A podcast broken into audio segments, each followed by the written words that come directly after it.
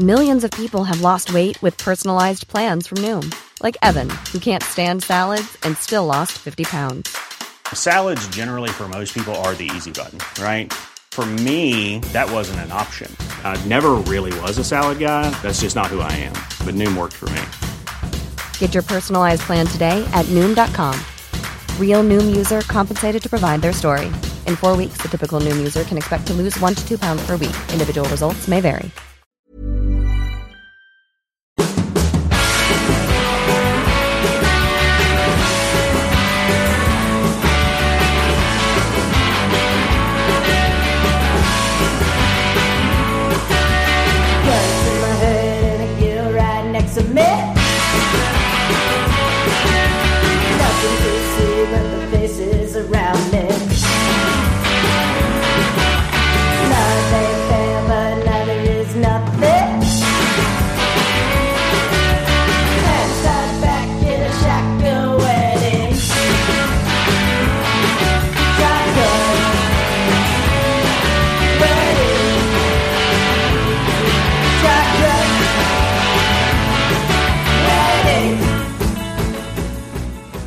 Välkomna till Indiepodden, avsnitt 56.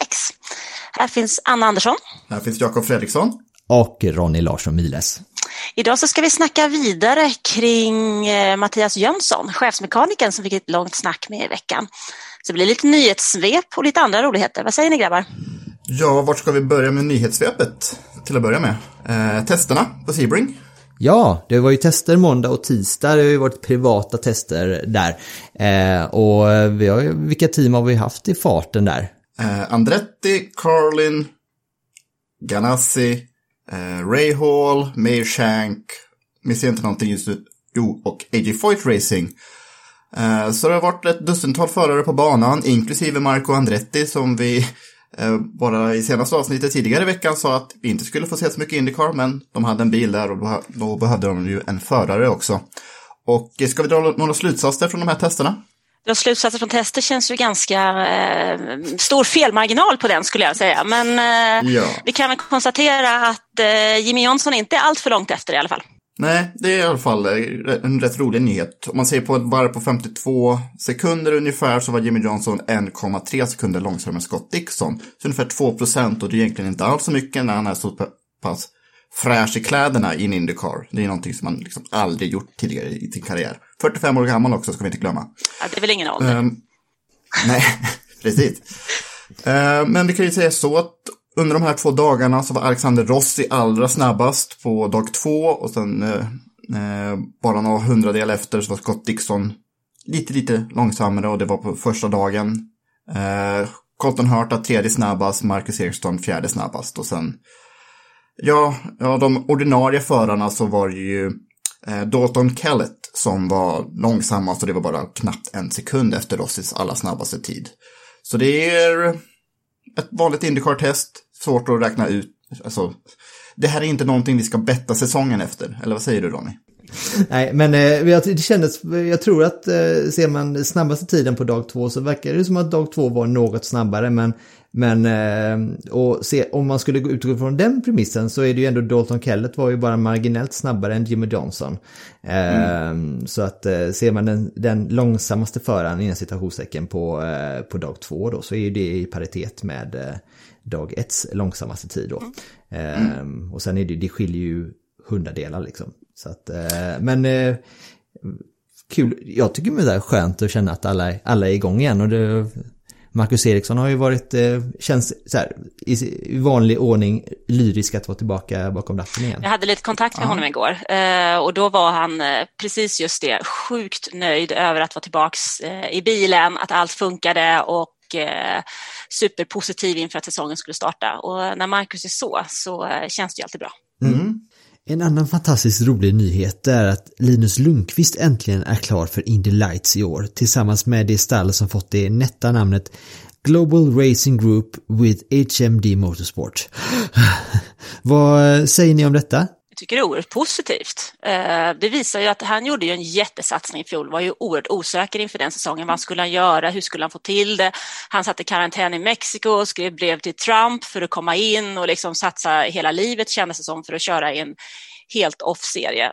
Men han gjorde det ju sjukt bra, satte sitt namn på kartan och sen så får han nu fortsätta i den serie som han har drömt om under förutsättning att den körs med samma team eh, som man körde förra året med en, i en kooperation med ett annat team då som är oerhört starkt i Indy Lights. Så det känns väl som att det är precis rätt steg att ta för Linus. Och den här serien som man körde förra året, det var ju eh, i sista stund som eh, den serien kan vara relevant för Indycar också. För att det här är sista året som de ger det här stipendiet för att köra Indy Lights. Eh, året mästare i Formula Regional Americas kommer få stipendiet för att köra i Japan istället. Så det var eh, eh, verkligen jätteskönt att Linus fick det här 2020 som han till slut fick. Och just det att han kör samma stall som han körde förra året nu i en tyngre serie. Eh, det ser verkligen ljust ut för han har ju alla förutsättningar för att även slåss om de allra högsta positionerna i Indy Lights också nu. Mm. Det var ju som han själv sa, det bästa av två världar och bättre kan det väl inte bli. Exakt. Så vi, vi kommer prata mer om, eh, om Linus eh, framtida utmaningar här nu i nästa veckas podd tänkte vi.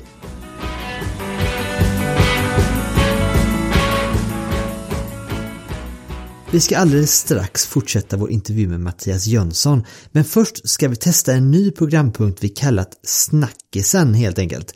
Då vi alla får chansen att lyfta fram en motorsportnyhet eller en spaning som fastnat lite extra hos, eh, hos oss under veckan. Eh, och den, den behöver alltså inte vara Indycar-relaterad överhuvudtaget eh, kan vi säga. Anna, vilken snackis har du tagit med dig? Jag tänker på pennan som Mercedes la ut igår, enbart för att få att få folk att tro att nu ska Lewis Hamilton skriva på. Men eh, de är ju helt enkelt inte överens. Och istället då så betyder den här pennan att det är Fredrik Westi, en 19-åring från eh, Danmark, som blir en ny Mercedes junior och ska köra för Art i Formel 3 nästa år. Eh, och Merca har ju George Russell i Williams. Sen så har han väl säkerligen Toto Wolff fortfarande connections med eh, Esteban Ocon, även om det inte är något officiellt, för när han gick till Renault eller Alpine så eh, bröt man ju allt sånt. Sen så har de eh, två stycken kartförare och en kille i Formel Renault Eurocup. Och så gör man då den här satsningen på en 19-åring från Danmark som dessutom körde bra med Prema i fjol. Det tycker jag känns lite kul och det känns också lite spännande att Mercedes faktiskt börjar plocka in och inse att eh, vi behöver ha en plan för framtiden. För faktum är ju att även om man heter Lewis Hamilton eller om man heter Michael Schumacher eller om man heter Scott Dixon, ingen är eh, omöjlig att ersätta. Det blir bara annorlunda och det kanske tar en stund tills det blir bra igen. Men alla kan ju ersättas. Det har vi sett eh, tusen gånger, om inte senast så eh, när eh, Schumacher lämnade Ferrari och när han lämnade Mercedes för Hamilton. Så att, vad 17. Det är en kul grej tycker jag. Mm. Ja, vad, Ja. Vilk, vad innebär vilken problematik i- innebär det egentligen för, för Mercedes och för Formel 1 i stort här nu när eh, det dröjer så länge till att för Lewis Hamilton att signa ett nytt kontrakt? Det är väl mest snacket kan jag tänka. Alltså bilen är ju nästan till samma sen som förra året och de vet ju vad de har varandra. Frågan är ju egentligen hur långt de står ifrån varandra. Eh, det snackas ju om att det är Hamilton inte bara vill ha jävligt mycket betalt eh, utan att han dessutom vill ha stora tunga poster inom Mercedes-koncernen och han vill ha eh, en del av vinsten och sådana grejer. Va? Och ska vi börja prata där så är det ju frågan vad som är störst, märket eller Hamilton och det får, beslutet får väl Toto Wolff ta. Det här påminner mig om en sak som jag bara tänkte på i helgen, för jag har dödat tid med att kolla igenom Formel 1-säsongen 1992. Och det här, den här debatten påminner så himla mycket om Nigel Mansells äventyr bakom kulisserna 92. När han skulle ha 23 miljoner dollar i lön för säsongen 93. Och eh, Williams ville inte gå med på det, trots att Mansell hade vunnit 10 av de första åtta loppen den säsongen. Och sen så sticker Senna in med att säga jag kan köra för, för Williams för 23 miljoner dollar mindre än vad Mansell ville. Och sen kommer Allan Prost där och tar den platsen före både eh, Mansell och eh, Senna. Eh, undrar om det kan bli lite så för Hamilton, att det bara dyker upp någon annan. Fast det finns ju ingen i Prosts ställning som är arbetslös bland Formel 1-förarna eh, just nu. Vi får se Nico Men Hülkenberg det där påminner starkt. Ja, men... ja. Mercedes ville ju Hulkenberg typ 2013 någon gång, men då tog de ju Hamilton istället. Eh, det påminner starkt om varandra, de här två situationerna i alla fall. Ja. Har ni funderat på då?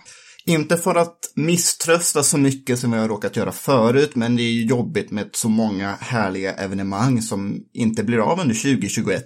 Svenska rallyt borde ju vara alldeles strax, bara runt hörnet. Eh, Supercars i Adelaide är ju inställt definitivt närmsta åren. Det verkar ju vara helt nedlagt. Eh, de här fantastiska motorcykeltävlingarna i Nordirland och Isle of Man är inställda. Jag tänker på Northwest 200 och så Tourist Trophy såklart. Det är, det är tråkiga nyheter, men vad ska man göra i dessa tider? Det är ju också så att eh, problem eh, är ju möjligheter i arbetskläder. Man får ju se till att Mm. lösa dem eh, och man får, ju, man får ju hitta en lösning. För svensk del så måste man ju få ordning på eh, vad det här rallybolaget ska göra, Bilsportförbundet kontra andra ägare för Svenska rallyt. Eh, vad har vi för framtid? Problemet är ju eh, om man inte kan arrangera rallyt nästa år heller av någon anledning, för då kommer vi förlora Svenska rallyt och det vore ju katastrofalt för svensk motorsport och även för näringslivet på många sätt. För fatta hur mycket folk det är som, som lägger sina pengar där den helgen. Eh, och då måste man, hitta en, man måste hitta en lösning på problemet, så det är bara att ta tag i det. Mm, och eh, i VRC-väg så har de i alla fall hittat ett ersättarrally i Arctic Rally Finland De kör, körs eh, sista helgen i februari. Om det blir en succé så är det ju möjligt att det får en permanent plats istället då för Svenska rallyt. Eh, VRC vill i alla fall ha ett vinterrally på kalendern. Ja, men så är det ju. Svenska rallyt har ju kontrakt över nästa säsong också, men man måste ju lösa allting runt omkring och hitta, hitta en lösning som inte bara är ettårig, eh, som regnar bort eh, eller som det tjafsas om, utan man måste hitta en permanent lösning som gör att Svenska rallyt med sin historia, sin fantastiska stämning och känsla har en given plats i VRC. Så nu gäller det att man jobbar mot samma mål och ser möjligheterna och inte problemen. Mm. Och sen Ronny, nu har vi haft en snackis var. Vad har du att bjuda oss på? Min snackis är eh, nyheten att Simona de Silvestro är klar att köra Indy 500 i år. Detta sker i ett team som heter Paretta Autosport som drivs av den alldeles formidabla Beth Paretta i ett samarbete med Penske faktiskt. Och, och vad är då så speciellt med detta? För det, alltså, det är en hel del kvinnliga förare som har kört Indycar genom åren. Men det som i många fall har kunnat betraktas som one-offs eller individuella öar av satsningar om man kan kalla det för det så verkar detta vara någonting nytt för alltså en, alltså en organisatoriskt långsiktig satsning för att etablera kvinnliga förare i toppen av motorsportkedjan. Mm. Och för ett av de uttalade målen för just Peretta Autosport är att, alltså att ha en kvinnlig heltidsstyrning i Indycar möjligtvis redan till 2022. Det är, väl, det är ju jätte, jätteviktigt att tjejer får samma förutsättningar som killar i unga år så att de har chans att bli lika bra. För motorsport är ju en av de få idrotter där man faktiskt kan tävla på lika villkor. Samtidigt så är det ju extremt viktigt att de tjejerna som man tar upp i klasserna är tillräckligt bra så att de inte är där för sitt eh, kön eller för sitt namn. För när vi hamnar i det läget och att de blir omkörda, ifrånkörda och ligger i botten, då sänker man ju hela grejen. Så det är så oerhört viktigt att de får den utbildning och de tar tillvara på den utbildningen och inser vilket arbete som krävs. För det är ju sjutton inte enkelt för en kille heller att ta sig hela vägen med allt vad det gäller, både när det gäller talang, stöttning, träning och sponsorer för att ta sig hela vägen. Och samma sak gäller ju för tjejer. De ska ju inte ha någon frispott in liksom, för då är de inte tillräckligt bra. Det är ju kvalitet, måste det vara. Och det är jättekul om den satsningen kommer och att det liksom, man kan se tjejer som kommer upp och faktiskt kan konkurrera. Hittar vi en ny Danica Patrick så är det lysande. Kan jag nämna lite om Beth Peretta då, att eh, hon har varit motorsportchef motorsportschef på SRT Motorsport, alltså Chryslers motorsportprogram. Hon stod bakom när eh, Dodge vann Nascar med Brad Keselowski och Roger Penske 2012. Måste stått bakom då också Viper-programmet i IMSA och på, på Le Mans då. Och just det här programmet är också i kombination med Roger Penske själv som velat dra upp det här. Och de har ju haft ett, eh, ett samarbete då i åtminstone tio år, Pareto och Penske. Så det finns ju, det är ju verkligen tunga namn bakom det här och då är det mycket energi bakom det och mycket engagemang. Så det här är inte bara något, det, det är inte eh, en ö, utan det här är en, en kontinentalplatta som håller på att växa fast med eh, resten av Indycar. Om ni förstår den metaforen. Absolut. Det var en väldigt stor platta och en stor ö. Ska vi ta fortsättningen nu då av vår, eh, vår intervju med eh, Mattias Jönsson? Vad, hur långt kom vi i eh, senaste avsnittet? Vi, vi pratade ju om eh, eh vad Mattias skulle göra i år. Det är alltså att han kommer att vara chefsmekaniker för Scott McLaughlin i år. Eh, och vi har vi pratade om hans väg in i Indycar och kom väl fram till vändningen för Penske som var i början av 2000-talet där. Mm, vi kommer att prata om allra snabbaste racerbilarna som någonsin funnits. Ja, precis. För du hade en liten miles per hour hastighets, eh, en milstolpe där som du precis skulle ställa till, en fråga du skulle ställa till Mattias Jönsson om. Ska vi Ja, hoppa, ska vi hoppa in där Vi kanske? hoppar in på en gång, utan spoilers, vi bara hoppar in. Ja.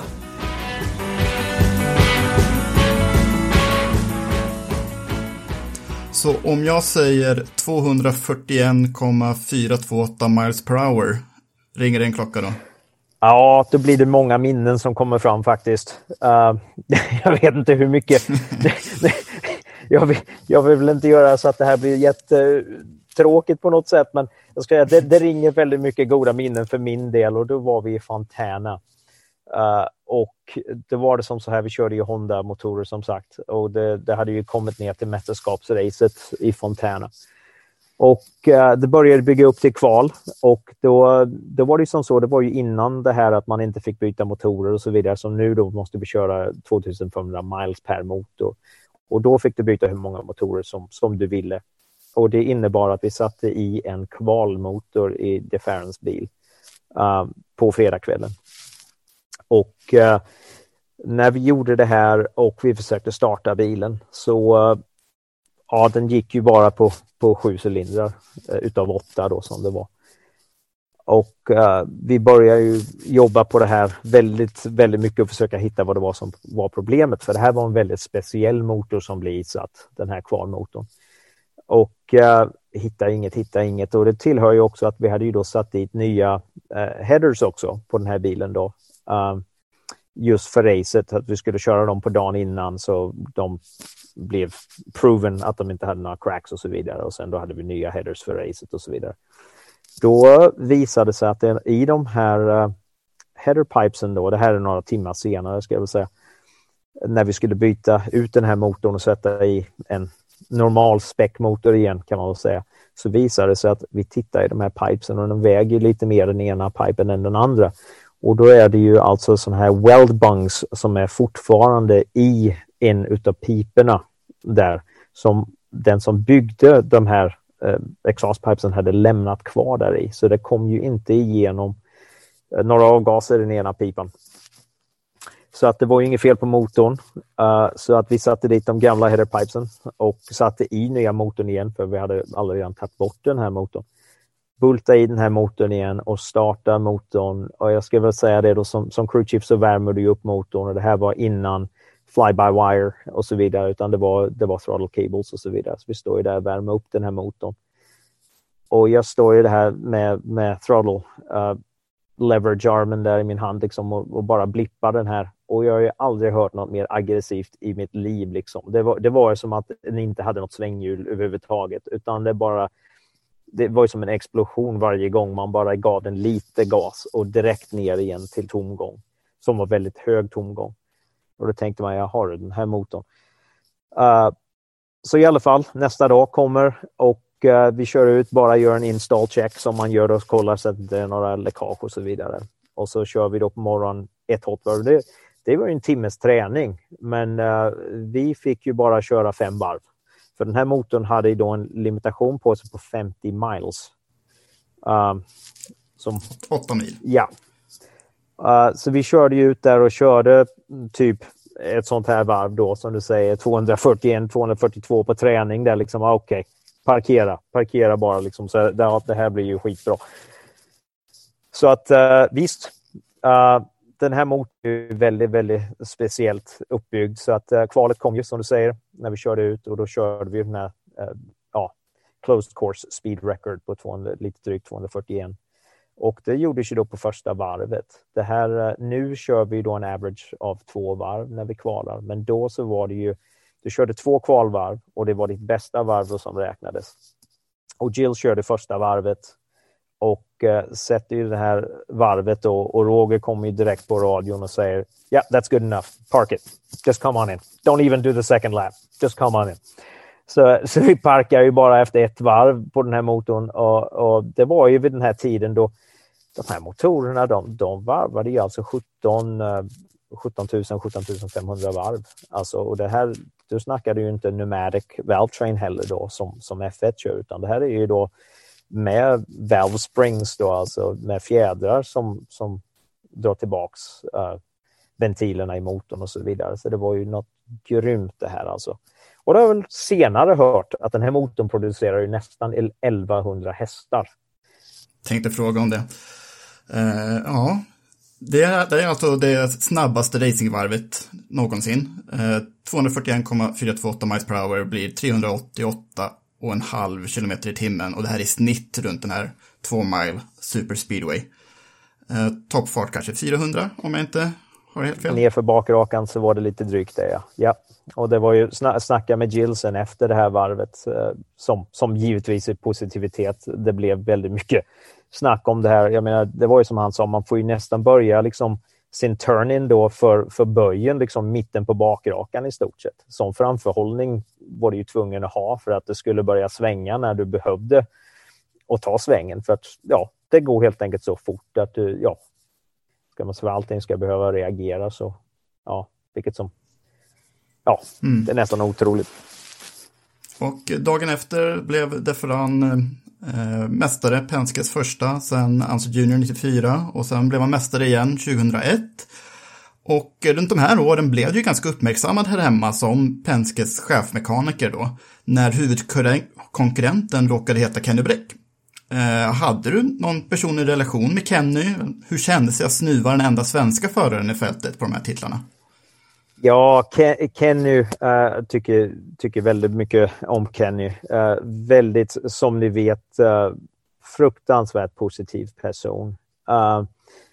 jag ska säga, det, det var ju jag tyckte väl det var jättekul att det fanns en svensk som var så fruktansvärt framgång i serien och uh, Kenny hade ju vunnit uh, Indy alla redan och så vidare också. Um, fruktansvärt framgång, framgångsrik förare och det ska man säga, jag ser väl inte som, som att snuva. Jag gjorde ju mitt jobb om man säger uh, för våra mm. team och ja, det är väl där som det kommer ner till att det är professionell racing istället för amatörracing om man säger att uh, alla gör sitt jobb. Och givetvis Kenny såg ju inte det på något annat sätt heller givetvis. Och jag menar som, som insats så kan man inte heller se det att, att uh, Kenny kunde ju varit mästare också om man så säger. Det, det var ju utveckling på grejer och, och sånt här också så han får väl se det liksom som att han var ju mästare med, med uh, den, uh, den bilen eller equipment som han körde om man så säger. Då. För han körde ju en mm. Lola med, med Ford-motor och så vidare. Och under de åren så var det ju en väldigt, väldigt stor utveckling. Som sagt, det var ju ingenting som var fryset som, som det är nu om man säger med regler och så vidare så kan du ju bara göra sig och så här mycket.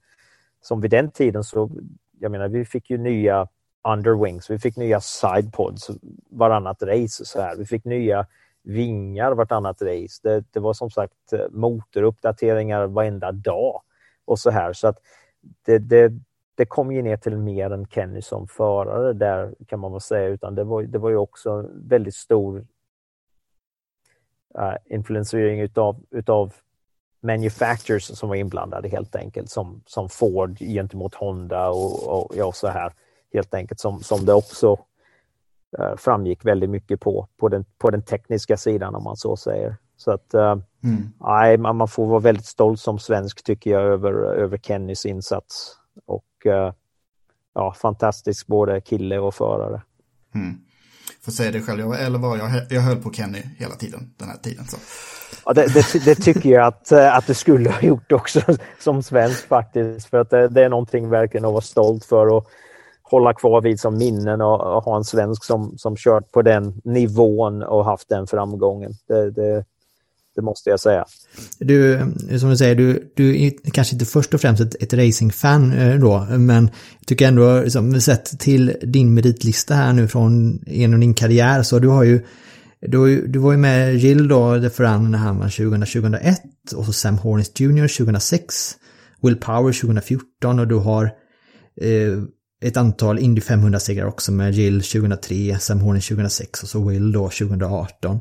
Eh, har, det har ju passerat en hel del förare genom åren. Så var, för det första, hur, hur skulle du beskriva vilken enskild framgång slår högst för dig och hur skulle du beskriva de olika förarna och vilka du klickar lite extra bra eller kanske mindre bra med och sådär? Ja, nej, jag förstår precis din fråga. Um, jag ska väl säga som så här att som, som relation med förarna så ska jag väl säga då först och främst som, som och jobbar då med, ska man säga, Paul Tracy då från, från början och så vidare så här. Och, um, så han, han var väl clownen då i teamen. Han var, han var föraren som var clownen kan man väl säga.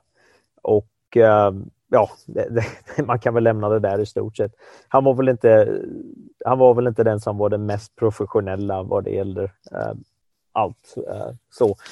Eh, men just, just om man touchar på det här med att vara professionell så måste jag nog säga Jill DeFerran var ju en kille som var fruktansvärt professionell eh, igenom allt och hur, hur eh, ja, både utseendemässigt, um, hur han gick igenom liksom och, och conduct business helt enkelt och hur, han, hur seriöst han tog sin uh, racing. Um, allt det här så måste jag nog säga, jag klickade ju väldigt bra med Jill då som, som både väldigt utbildad, väldigt, väldigt seriös som, som person kan man säga, väldigt allvarlig som person då. Och det måste jag nog säga att, att uh, skulle jag säga någonting om mig själv, jag är väl ingen direkt, speciellt vad det kommer till jobbet så är jag ju ingen clown heller, utan jag tror jag nog ansedd som väldigt, väldigt uh, allvarlig och seriös vad det gäller mitt jobb. Så på, på, på den biten vad det gäller, när det gäller att vara seriös. Så att jag klickade nog väldigt bra med Jill vad det gällde den biten och jag tror han hade väldigt stor uppskattning för eh, min eh, åsikt och så vidare på racing. För det, det är som sagt, eh, även idag så finns det ju väldigt många som jobbar i racing som är racingfans och ja, jag kan inte anse att jag är det helt enkelt. Jag, jag tar en helt annan approach till, till det här, måste jag säga, som är kanske lite allvarligare än det där. Um, Sam Hornish Jr, han var väl den då som är ska man säga, den modigaste föraren. Um, om man säger som så, det, som, som, som i racing så som här borta i alla fall så refers to uh, you gotta have some balls som man säger. Och när det kom ner till det så Sam var väl den då som, som han, han var verkligen den som var modigast eller dumdristigast nästan när det kom till uh, att vinna de här racen som han blev känd för uh, på hundradelar eller med en nos eller vad man ska säga då när vi körde det här IRL-konceptet eh, vad det gäller de här pack races och så vidare. Han spelade nästan, som jag vill säga det, kort med hur han körde race. Tittar man på, på Sam som han körde Eh, träning och så vidare så körde han alltid mot konkurrenter och läste konkurrenternas bil och försökte få sin bil att bli bättre, eh, säg nu turn 3, 4 än de andra och brydde sig mindre på turn 1, 1 2 och så vidare. Och ja, spenderade minst lika mycket tid på att läsa eh, de andra killarnas bilar som han visste skulle vara snabb den dagen, lika mycket som sin egna bil.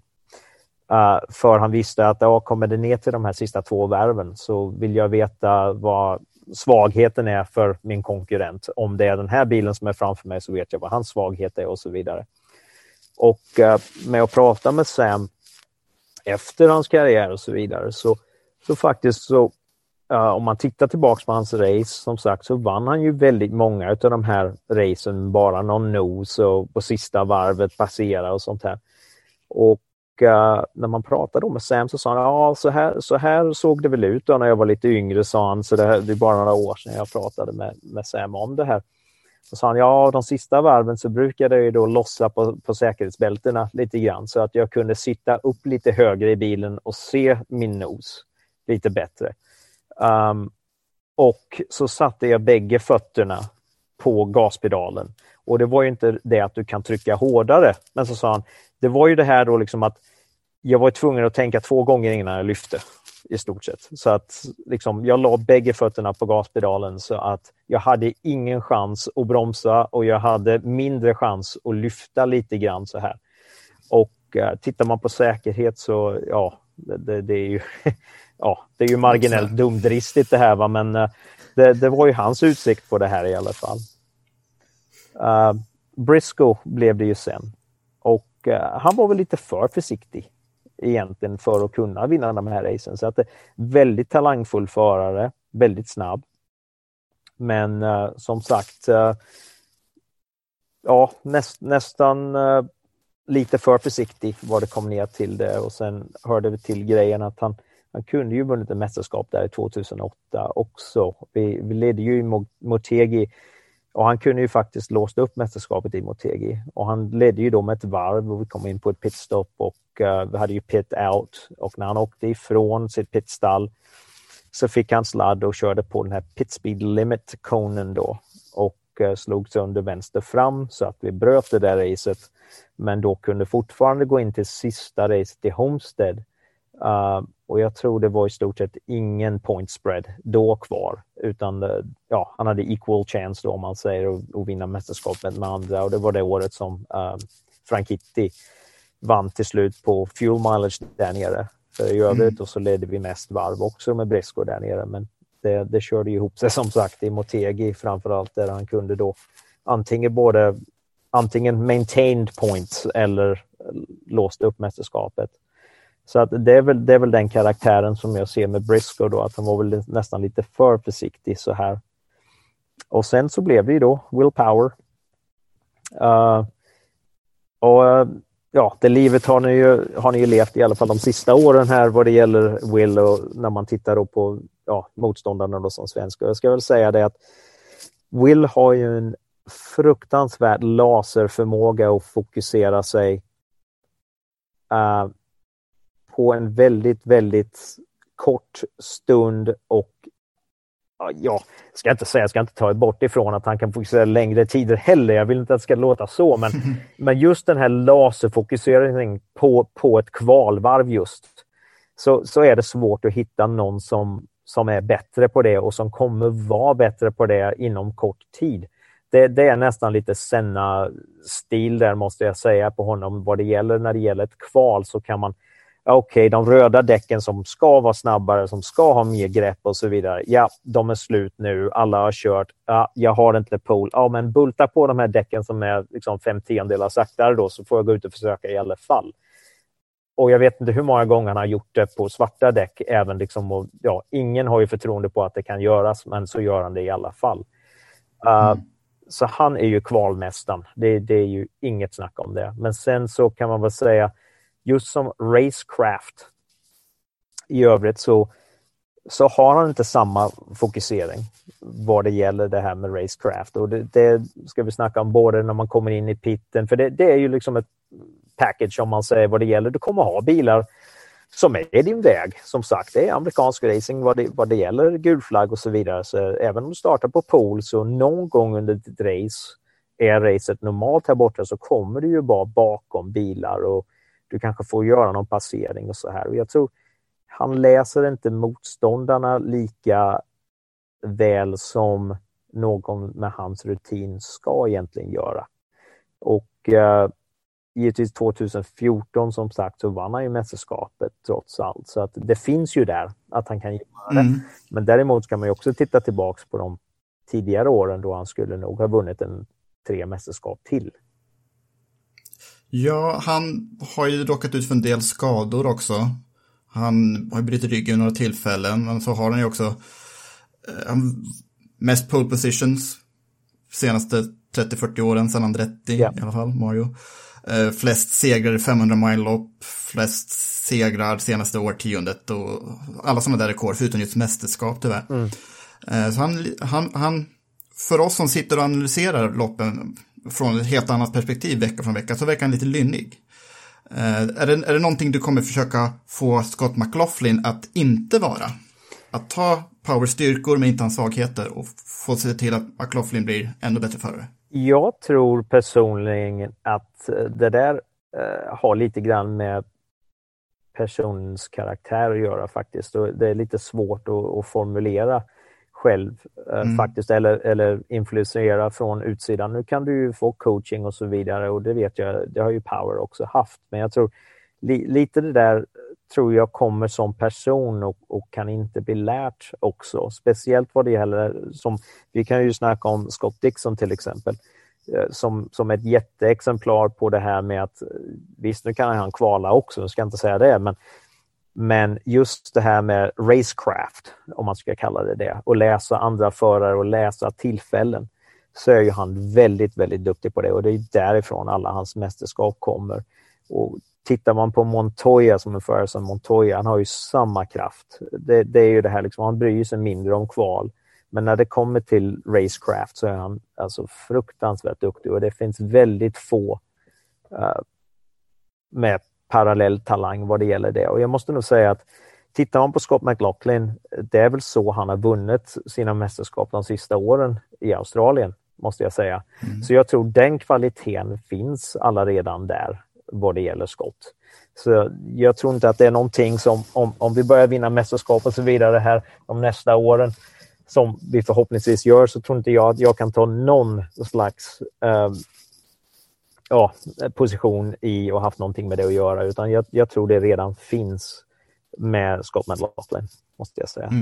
Kan du beskriva eh, teamet runt dig och de du är manager för och hur ni tränar och hur ni arbetar och Ja, eh, nu har ju det blivit lite grann um, annorlunda här de sista åren. Eh, som, som du och pratade om när vi var på telefon så, Eh, så spenderar jag ju lite mindre tid just nu med och runt teamet i sig självt. Så att under de sista fem åren så, så ja, teamen utvecklas ju här likadant som, som i Europa och så vidare och, och, och fortsätter ju framåt. Jag ska väl säga, man, man körde ju mer som ett individuellt team inom Team Penske med sin egna grupp kan man säga upp genom 2015 och så här. Och lite av det här härstammar ju från, från då tidigare att som en grupp, som, som ett team inom teamet så arbetade man ju då med sina egna förare eh, och så vidare och man gjorde väldigt mycket enskilda eh, bestämmelser och eh, hur det här skulle fungera om man byggde upp sitt egna team. Um, likadant som bilarna i sig själva har blivit väldigt generic om man så säger nu. Alla kör samma bilar. Alla kör, vi har ju kört det här chassit nu till exempel i nio år nu. Nu ska man säga också att det har blivit givetvis mycket utveckling på det här chassit under de nio åren, men, men trots allt är det samma basbil i nio år. Så att det har ju blivit mycket mer att man gör, att man arbetar i nedbrutna grupper och bygga de här bilarna. Så att istället för att jobba som individuella raceteam då som vi gjorde tidigare när man åker ut som en crew och så vidare så jobbar vi mer då som ett företag nu kan man säga och har en process. Att när du kommer hem och börjar bryta ner bilarna så har du en eh, till exempel då en bodywork group som bara tar hand om bodyworket. Du har en grupp som tar hand om framänden. Du har en grupp som tar hand om motor och mitten vad det gäller fuel cell och så vidare. Som blir då, och, och rear end. Så du blir mer en, en, en eh, expert på ditt område. Du blir, blir mer, du har mer expertis på ditt område om man säger.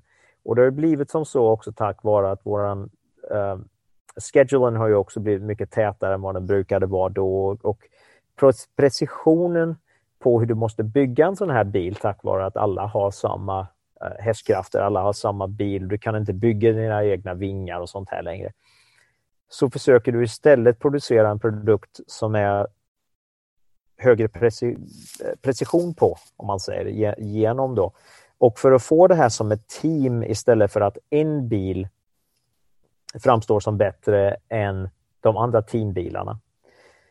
Uh, så byggs de här då i de här grupperna istället för att byggas då i individuella team. Och sen då när du åker ut på racen så går du in i din individuella grupp.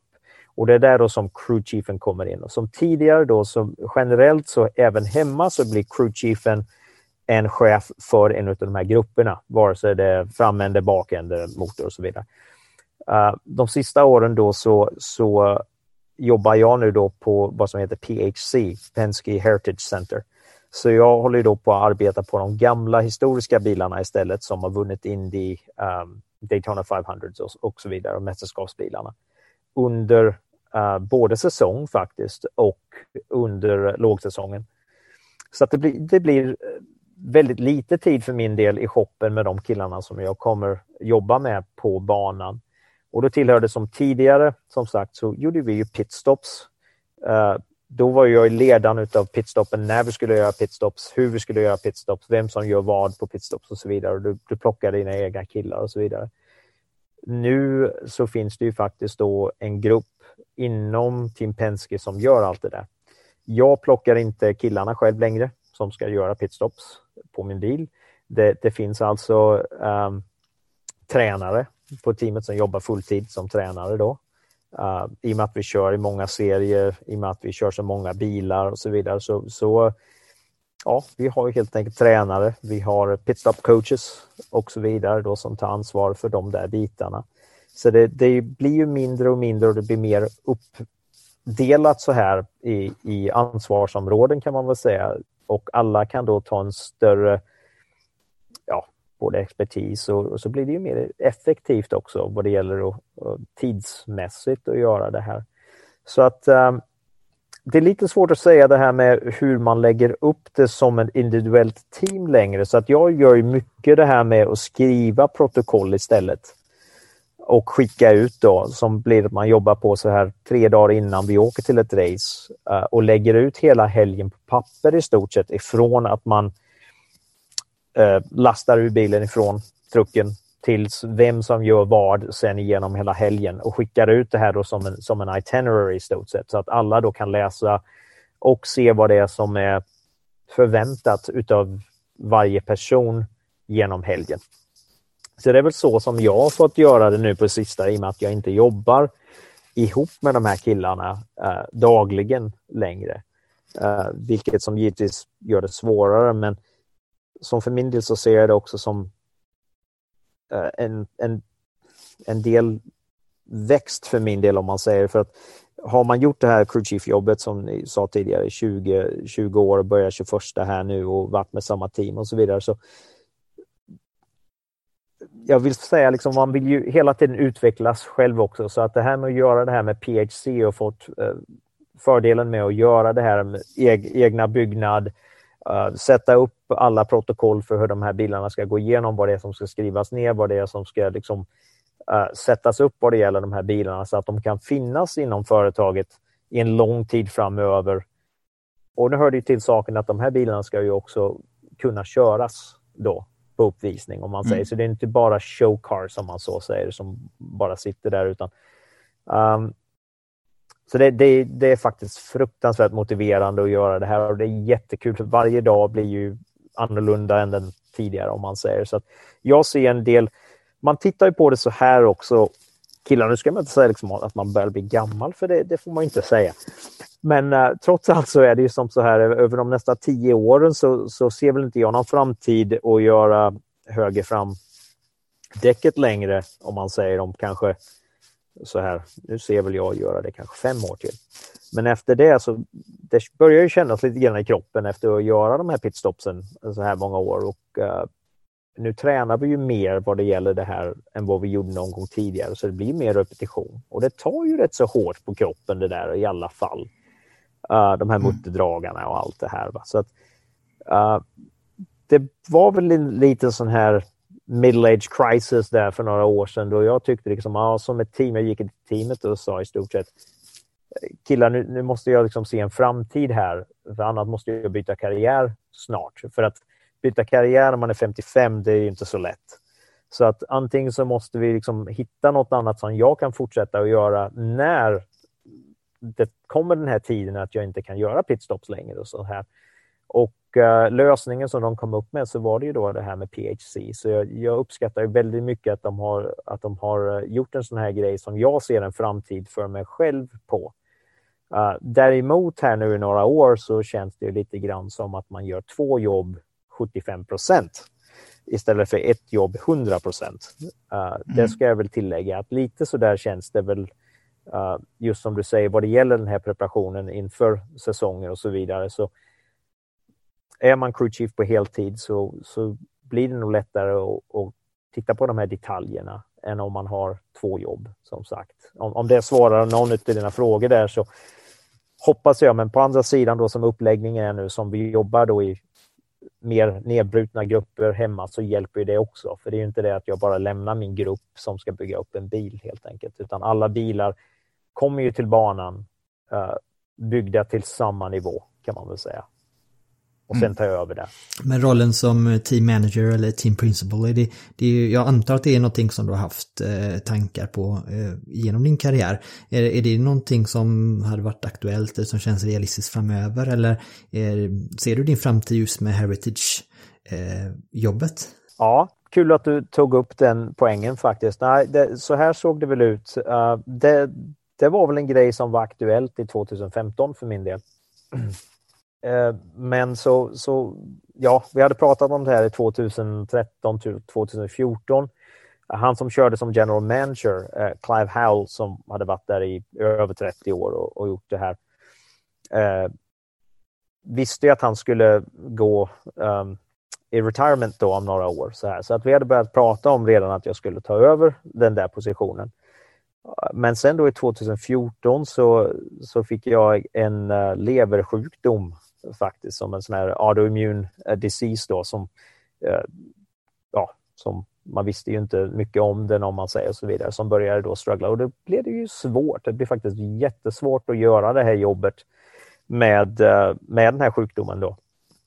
Och eh, jag tittade faktiskt på och eh, flytta på mig. Ehm, jag hade redan gjort intervjuer och så vidare för ett annat jobb och det var det då med att renovera gamla bilar och sånt här. Ehm, inte för Roger utan Ehm, enskilt, eh, enskild kille då som hade massa sådana här bilar.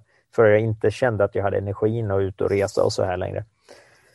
Um, under den här tiden då så, ja, så Roger i alla fall, han, han säger ja men, men du, det här är ju fel tid för dig att sluta, vi ska ta hand om det och så vidare. Så han, han har ju tagit hand om mig väldigt mycket vad det gäller att komma till rätta, doktorer och så vidare. Så det här är under kontroll nu ska jag väl säga. Och det är, därför man är tillbaka och racear uh, och har varit i många år. Men uh, 14, 15 och halva 16 så var det, det var rätt så jobbigt faktiskt. Och uh, under den tiden då så var det som jag hade chans då att bli den här general managern då för hoppen och så vidare och som det var tänkt. Men i och med att jag hade den här uh, blippen på radarn där så, så kunde det inte bli så. Då anställde de uh, en kille från um, uh, Andretti faktiskt som, som ja, väldigt känd, väldigt schysst kille och så vidare. Och, ja, och så vidare. För den positionen då, för att Clive då skulle gå i pension. Uh, och jag blev tillfrågad uh, faktiskt innan de gjorde det, om jag ville ta över den här positionen och jag sa fullständigt nej. Att det, det och det, det var rätt beslut uh, vid den tiden. Jag hade inte grejat det då uh, faktiskt. Um, så att man kan väl säga att den, den, den positionen har kommit och gått för min del, måste jag nog säga. Så att när jag kom ut på andra sidan från det här så vill jag ju ut och resa fortfarande. Jag vill vara med på racen, jag vill, vill göra allt det här. Men den positionen har ju blivit fylld sen. Och eh, nu då med under den här tiden så var det ju då som sagt att eh, då sa Roger, i och med att jag hade då i stort sett skaffat ett annat jobb och börjat jobba på gamla bilar så förstod väl han intresset. Så då sa han, ja men då, då ska du bara göra det här för mig istället, tyckte han. Så det, det, det här så behöver du inte oroa dig för att skaffa något annat jobb någon annanstans, utan vi, vi börjar det här då här istället. Så att, så att ja, jag ser väl det som min framtid och, eh, och så vidare här nu istället för att eh, som sagt den positionen eh, i 2015 så hade jag en chans att ta den, men det var, det var inte rätt timing. Och ja, jag, jag, ska väl säga det att tittar jag på det nu så ja, det hade varit jättekul givetvis, men, uh, men det fanns inte en chans att göra det då. Det, det, det är inte en chans mm. att vi kunde gjort det då. Men det här Heritage-centret låter ju jättespännande. Och eh, förare får ju ofta frågan vilken bil är bäst, roligast att köra och så vidare. Vilken bil tycker du är roligast att meka med då? ja, nej, det här är ju, det här är ju en bra fråga faktiskt. Uh, det här är en jättebra fråga. Det, det, det är jättesvårt att svara på faktiskt. Uh, jag har faktiskt precis hållit på med en bil som inte är tävlingsbil kan man väl säga. Jag, jag har faktiskt renoverat uh, Rogers personliga Gullwing nu då 1955 300 SL, den med Måsvinge, Måsvingebilen Mercedesen. Ah, okay. Och jag måste säga, jag har haft jättekul att gjort det. Det måste jag säga. Som, som en bil designad på 50-talet och byggd på 50-talet så, så är den svårslagen alltså vad det gäller lösningar och så vidare. Och det, det, det är väl en helt annan grej givetvis än en racerbil men, men just som konstruktion den är, den är långt, långt före sin tid och den, den har varit jättekul att jobba på. Uh, så den är ju svårslagen. Men sen uh, tittar mm. man på racerbilar och sånt här så ska jag nog säga Ja, jag menar alla, alla har ju sin karaktär, men jag måste nog säga som så att eh, man kan ju se just planeringen på de här bilarna som, som går framåt. Att tittar man på 80-talsbilar så var det ju väldigt uppdelat vem som designade vad om man säger. Du kan ju se de här mm. gränserna på bilarna där en design en designer gjorde den här biten, en annan designer gjorde den här biten. Och det, det, blir ju ett lite grann ihopplock på de där bilarna ska man säga. Så att visst är de roliga att jobba på och visst är de väldigt mycket karaktär för det finns ju inte många av dem som var gjorda och speciellt likadant. Men däremot så är det ju, de är ju svåra att jobba på tack vare att designen var ju så ihopplockad om man så säger på de bilarna kan man mm. säga. Eh, uh, Medan börjar man titta på en bil som vi körde som den sista Penske-bilen som var producerad, PC27 och PC27B, som, som kördes då i, i 98, 99 som den kördes och tyvärr då med Goodyear Tires och, eh, och en Mercedes-motor som inte gjorde den några favors. Så uh, den där bilen var ju väldigt före sin tid i Indycar måste jag säga. Och det, det är nog av de bilarna som, som jag måste säga är den av de finaste designade bilarna och vad det gäller lösningar och sånt här. Så den här bilen som mm. design uh, var något väldigt, väldigt speciellt, det måste jag säga. Det var ju John Travis då som designade den här bilen för Penske, uh, Penske Cars. Tyvärr så hade den ju ingen succé överhuvudtaget, för det var, det var ju som sagt en av de de åren som vi inte hade några resultat överhuvudtaget, vare sig det berodde på förare, uh, däck, motor, men jag ska nog säga att jag tror inte att det hade någonting med bilen i sig självt att göra. För att, uh, mm. Den där designen den håller jag väldigt, väldigt högt fortfarande. En, uh, vad säger du Jakob, ja, du, du, får väl åka över och praktisera någon, någon vecka kanske, Jakob? Du som är så illa det här. Eh, jag tycker det är fruktansvärt intressant att höra liksom sådär, för den där Penske-bilen är lite, lite kultförklarad av just på grund av det du eh, beskriver. Jag är inte mycket till mekaniker dock. Eh, jag, jag, du kan springa och hämta kaffe och grejer, det är väl bra? Hålla guidade turer kan jag, kanske jag kan göra, men att, att beskriva mekanik så här passionerat som Mattias gör, det det är något unikt, känner jag. Ja, men det här med som du har istället, det är det här med då, uh, ja, alla de här faktorna är då istället vad det gäller uh, vad bilen har gjort resultatmässigt, vem som körde dem och, och sånt här som, som kanske jag då har mindre uh, koll på. Nu, nu har jag ju koll på dem jag jobbat på, men tidigare historik och så vidare vad jag förstår så har ju du väldigt bra koll på det här Uh, vad det gäller allt sånt som, som jag är mindre uppläst på, måste jag nog säga, mm. utan uh, har väl med den här som du säger, då, mekaniska grejen eh, för de här bilarna istället för just resultaten och så vidare. Så jag tror din sida på det här, skulle du någon gång komma över hit så tar jag dig gärna på, på, på en runda här på, på det är ju inte museer, det är inte, men eh, bilarna kommer ju in och ut härifrån då och blir, eh, blir renoverade och dessutom då så har kataloger, vi har alla vi har hjälmar, handskar, driver suits, fire suits, vi har uh, crew helmets, vi har uh, alla pokaler som är pro producerade då, som vi har vunnit och så vidare. Uh, finns på det här stället. fotografier och filmer ifrån 50-60-talet upp tills nu. Media, mm. Mediaguider och så vidare. Så vi har en väldigt stor som håller på att gå igenom och göra digitalt numera och försöka få det i en katalog. Det kan väl samma, sammanfattas om nom nom nom nom helt enkelt. Ja, men typ. Ja, ja precis. precis. Fint att höra att du, att du har framtiden utstakad för dig. Om vi tänker eh, lite mindre skala, närmsta två månaderna mm. inför årets säsong. Hur ser eh, den här tiden ut för dig? Testschema antar jag. Ja, stämmer bra. och det har ju flyttat lite grann på sig det här med testschemat tack vare att uh, racen flyttar på sig. Så det är väl lite mm. ovisst även det där, men, men trots allt så håller vi ju, uh, som sagt, jag menar, tittar man då på test, tester och sånt här så fightar det ju alltid samma motstånd, om man så säger, som alla jobbar på. Och det är ju då friktion, uh, vindmotstånd, uh, värme, uh, försöka kyla ditt bränsle så mycket som du kan och det, det är ju inom reglerna som du måste göra allt, allt det här. Va? Och så jag menar, det, det, är vissa grejer då, alla parametrar där som du försöker fighta och det är därför som vi åker och testar fortfarande även ett chassi och en bodywork då som vi har haft nu i, och det här börjar ju fjärde året nu. Så, så finns det ju alltid grejer då som du kan uh, göra bättre. Och eh, uh, vår testschedule då skulle ju börjat här nu på måndag i Sebring. Men det har ju flyttat på sig tack vare att eh, uh, St. Petersburg flyttades. Så nu, nu ser det ut som att vi börjar testa första februari istället.